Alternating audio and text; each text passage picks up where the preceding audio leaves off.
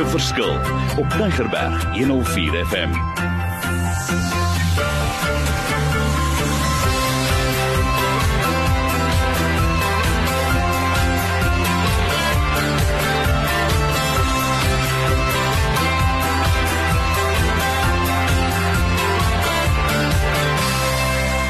Wonderlik. My naam is Mario Denton, 'n bedryfsielkundige met 'n passie. Dis vir my seker een van die lekkerste dinge om oor onderwerpe te gesels wat ek weet daar buite is 'n groot behoefte. So, welkom by die program Gemaak 'n verskil in die lewe daar buite.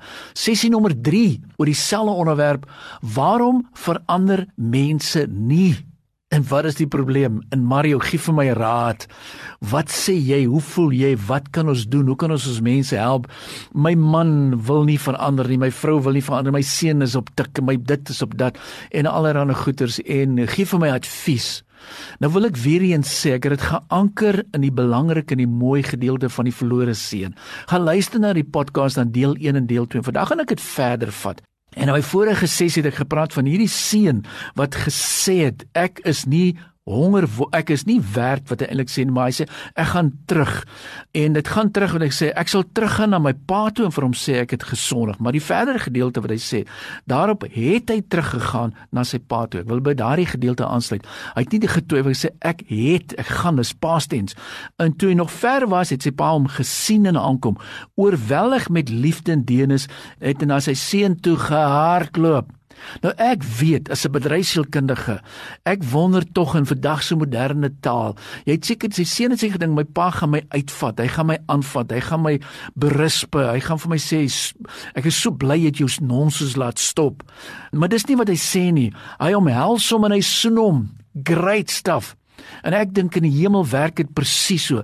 Jy weet, ons soek daai persoon wat verlore is. Hy het hom omhels gesoen. Sy seun het vir hom gesê: "Pa, ek het gesondig teen hemel en teen pa."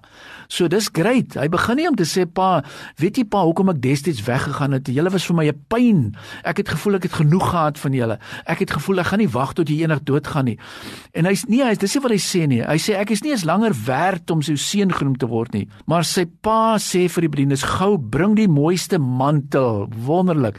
Bring daai mantel. So hy wil hom serve. Hy sê: "Hoorie nee, ek wil my mantel weer oor hom gooi." Trek dit vir hom aan. En dan sê kry 'n ring vir sy vinger. Hy is special. Hy's myne en sandale vir sy voete en slag die vetgemaakte kalf. Ons moet fees vier want hierdie seun was dood en hy het nou teruggekeer na die lewe. Wow, hy was verlore maar nou hy's gevind. Nou wat wil ek sê? Ai ek like so weet jy mense gaan die universiteit toe om te swat en ek weet ou met alle ou se meestersgrade en dubbele kwalifikasies en doktorsgrade Mario dis mooi maar aan die einde van die dag sê ek weet jy wat ek het soveel geleer oor verandering as ek net kyk na die verlore seun en wat daar verkeerd te gaan het. Want jy weet wat gebeur? Ons koppe werk soos 'n rekenaar. En hulle praat daarvan daar's 'n H drive en 'n M drive. Die H drive is the emotions and the M drive is the mind. Ons wil dinge met ons mind uitwerk. En dan kom die computer hackers en hulle plaas verkeerde gedagtes in jou hart en aan die einde van die dag sê ek weet jy wat? Mario ek kan nie verander nie. My kop sê vir my dit maar my hart sê vir my iets anderste. Nou nou wil ek weer eens sê beide van hulle is gevaarlik. Ons moet werklik daai besluit neem om terug te gaan. En hoe gaan ek terug en wat sê ek? So as jy sit in 'n huwelik en jy voel maar ons is nie meer engaged nie. En ek wil dit sommer dadelik vir jou sê, kom asseblief skryf Ek gaan my WhatsApp nommer vir jou gee. Kom laat ons 'n evaluering doen. Dis nie te laat nie, asseblief. So enige iemand en ek sê dit ek het nou weer onlangs vir 'n groep gesê in hierdie gemeente, kom ons maak dit ons doel wat niemand sal deur 'n egskeiding gaan nie. Kom ons help, kom ons staan in en ek weet dit is pynvol en daar's mense wat sê Mario, jy ken nie my situasie nie, maar kom ons vat. Kom ons gaan evalueer. Kom ons gaan kyk waar ons is. Want wat sê God se woord vir ons? Hy sê en ek wil dit vir jou mooi lees. Whatever you do, do well. So hy toets dit vir jou waarmee jy besig. 'n Ander ding wat ek vir julle sê wat vir my ook mooi is is hierdie gedeelte in 1 Korintiërs 4:11. Luister wat hy sê in Engels, this should be your ambition to live a quiet life minding your own business. Ons lewe nie 'n rustige lewe nie. Dinge is de mekaar. As ons gaan slaap is ons rus onrustig. Dinge werk nie vir my lekker uit nie. Nou wil ek vir jou sê, dinge kan vir jou uitwerk, maar dan moet jy op 'n punt kom en sê, hoor ek gaan nou iets doen. Ek gaan nie toelaat dat al hierdie nonsens dat ek hierdie bagasie dra nie. En ek sit nou en dink in 'n situasie, ek tree op eendag by 'n jeugkonferensie En ek praat oor watter bagasie dra jy en daar's 'n beautiful video klip of baggage and baggage and baggage. Nou dit is so, ek het seer die ou sê Mario, ek het seer gekry oor dit. Die kerk het vir my dit gesê, my vrou het vir my dit gesê, my man het vir my dit gesê en jy stap en jy hardloop maar dis 'n klomp bagasie, bagasie, bagasie. Nou wil ek sê asseblief, jy het dalk verkeerde besluite gemaak. Jy voel jy kan nie omdraai nie. Jy respek nie mense nie. Daar's insubordination, daar is gesagsprobleme. Ag, ek wil nie deur hierdie goeters in die probleme gaan nie. Ek wil by die oplossings kom. Want die oplossing is presies wat ek vir julle gesê het. So as jy vandag sit, kom ek vat gou. Jy sê Mario, gaan gou my deur my lysie. Wat is dit? En dan sal ek sê, is jy moeg? Is jy discouraged? Is jy bored? Is jy empty, is jy distance, is jy voel jy is cold, voel jy is hopeless, voel jy is insecure, voel jy is bitter, voel jy is wounded. Kan 'n mens hierdie situasie verander? Kan 'n mens verander? Ek sê yes. Ek wil dit herhaal. Maar anders wat soek 'n mens? I want you to be energetic strong. I want you to be encouraged. I want you to be challenged. I want you to be growing. I want you to be together. I want you to have a close heart. I want you to be happy, secure, forgiving, appreciated. Maar is dit sommer net lekker praat? Nee, nee, nee. Ek gaan weer eens vir jou my oplossing gee. Dit is so, wat moet ons doen? Want een van die eerste dinge wat ek wil sê, soos die verlore seun, kom tot jou sinne.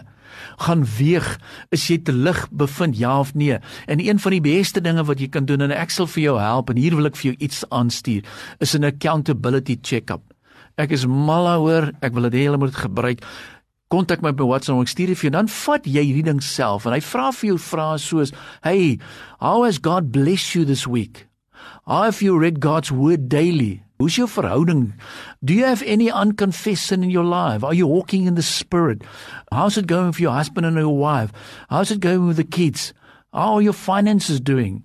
How are things going on the job? Do you feel in the scent of God's will? What are you wrestling with in your thought life? What have you done for someone else this week? Are your priorities in the right order? Is your moral and ethical behavior what it should be? How are you doing in your personal high risk area? Is the visible you and the real you consistent? En wat is dit? Dit's 'n reality accountability check-up. Presies soos die verlore seun gesê het, ek het tot by my sinne gekom. Nou hoekom wil ek vir julle hierdie voorbeeld gebruik? Ek is op die stadium en ek soms vra mense vir my hoe oud is jy? Dan sê ek nee man, ek is ook oor 40 of oor 50, maar ek het nou onlangs by my internisse draai gemaak en ek het onlangs by die eetkundige draai gemaak. En uh, toe sê die persoon vir my, hoorie ons moet kyk na jou eetgewoontes Mario. Hoe gereeld oefen jy en wat eet jy? En hoeveel koffies drink jy per dag? En watter vrugte eet jy en wat? En toe kom ek agter, Mario, Mario, Mario. Jy sal moet verander. En hoor wat ek sê, dis hoekom ek so bly is ek kan gesels oor hierdie onderwerp. Kom tot jou sinne. Jy sal moet jou eetgewoontes verander. Jy sal moet jou patrone moet verander. Jy sal moet gaan kyk na jou suikerinname en ewe skielik sê hulle nee, ja, is iets fout. En ek wil werklik vir hulle sê, ek het dit verwaarloos, ek het dit geïgnoreer. Maar hierdie is vir my 'n wake-up call gewees en ek is so bly en ek is besig weer om dit so ernstig op te neem. So, hoe verander mens? Wat moet jy doen? Ek wil weer eens afsluit met hierdie wonderlike drie eenvoudige vrae. En hoor wat hy sê. Hy sê, "Do you hear his voice?" So as jy op hierdie stadium sê Marie ek hoor niks dan sê ek this is confuses. Dit is nie soos dit behoort te werk. Die tweede een, do you believe his word? Wie se woord vat jy? En dan sê hy do you believe? Moenie sê ek het dit gehoor nie. Do you believe his word? Ons pastore preek Sondag na Sondag na Sondag na Sondag. Ons hoor dit en is mooi en ek sê nee man, hy vra nie vir jou of dit mooi is nie. Glo jy dit? En dan die derde een is do you serve his purpose. So ek wil weer eens vir jou sê nou net, hierdie is uiters belangrike beginsels en ek sluit af met hierdie pragtige gedeelte weer in 2 Timoteus 3. Die hele skrif, nie net gedeeltes nie, is deur God geïnspireer, is nuttig om ons te onderrig, die verkeerde te weerlê en om ons reg te wys en om ons die regte lewenstyl by ons te kweek. Dis God se manier om sy mense voor te berei vir hulle taak ten volle nie gedeel toegerus vir die heel vir die goeie ding wat hy wil hê julle moet doen. Ek wil afsluit. Watte great 3 sessies. Hoe verander mens? So my WhatsApp nommer 082 88 29903. Ek herhaal 0828829903. Stuur vir my WhatsApp al ry jy nou stop. Stuur vir my sê Mario, stuur vir my my materiaal aan oor accountability. Ek wil tot my sinne kom, ek wil verander, ek wil opstaan. Ek wil sê die Here seën jou, gemaak 'n verskil hierdie jaar buite. Jy is 'n gesalfde, jy is nie sommer net niks nie. Gemaak 'n verskil in die lewe buite. Be blessed.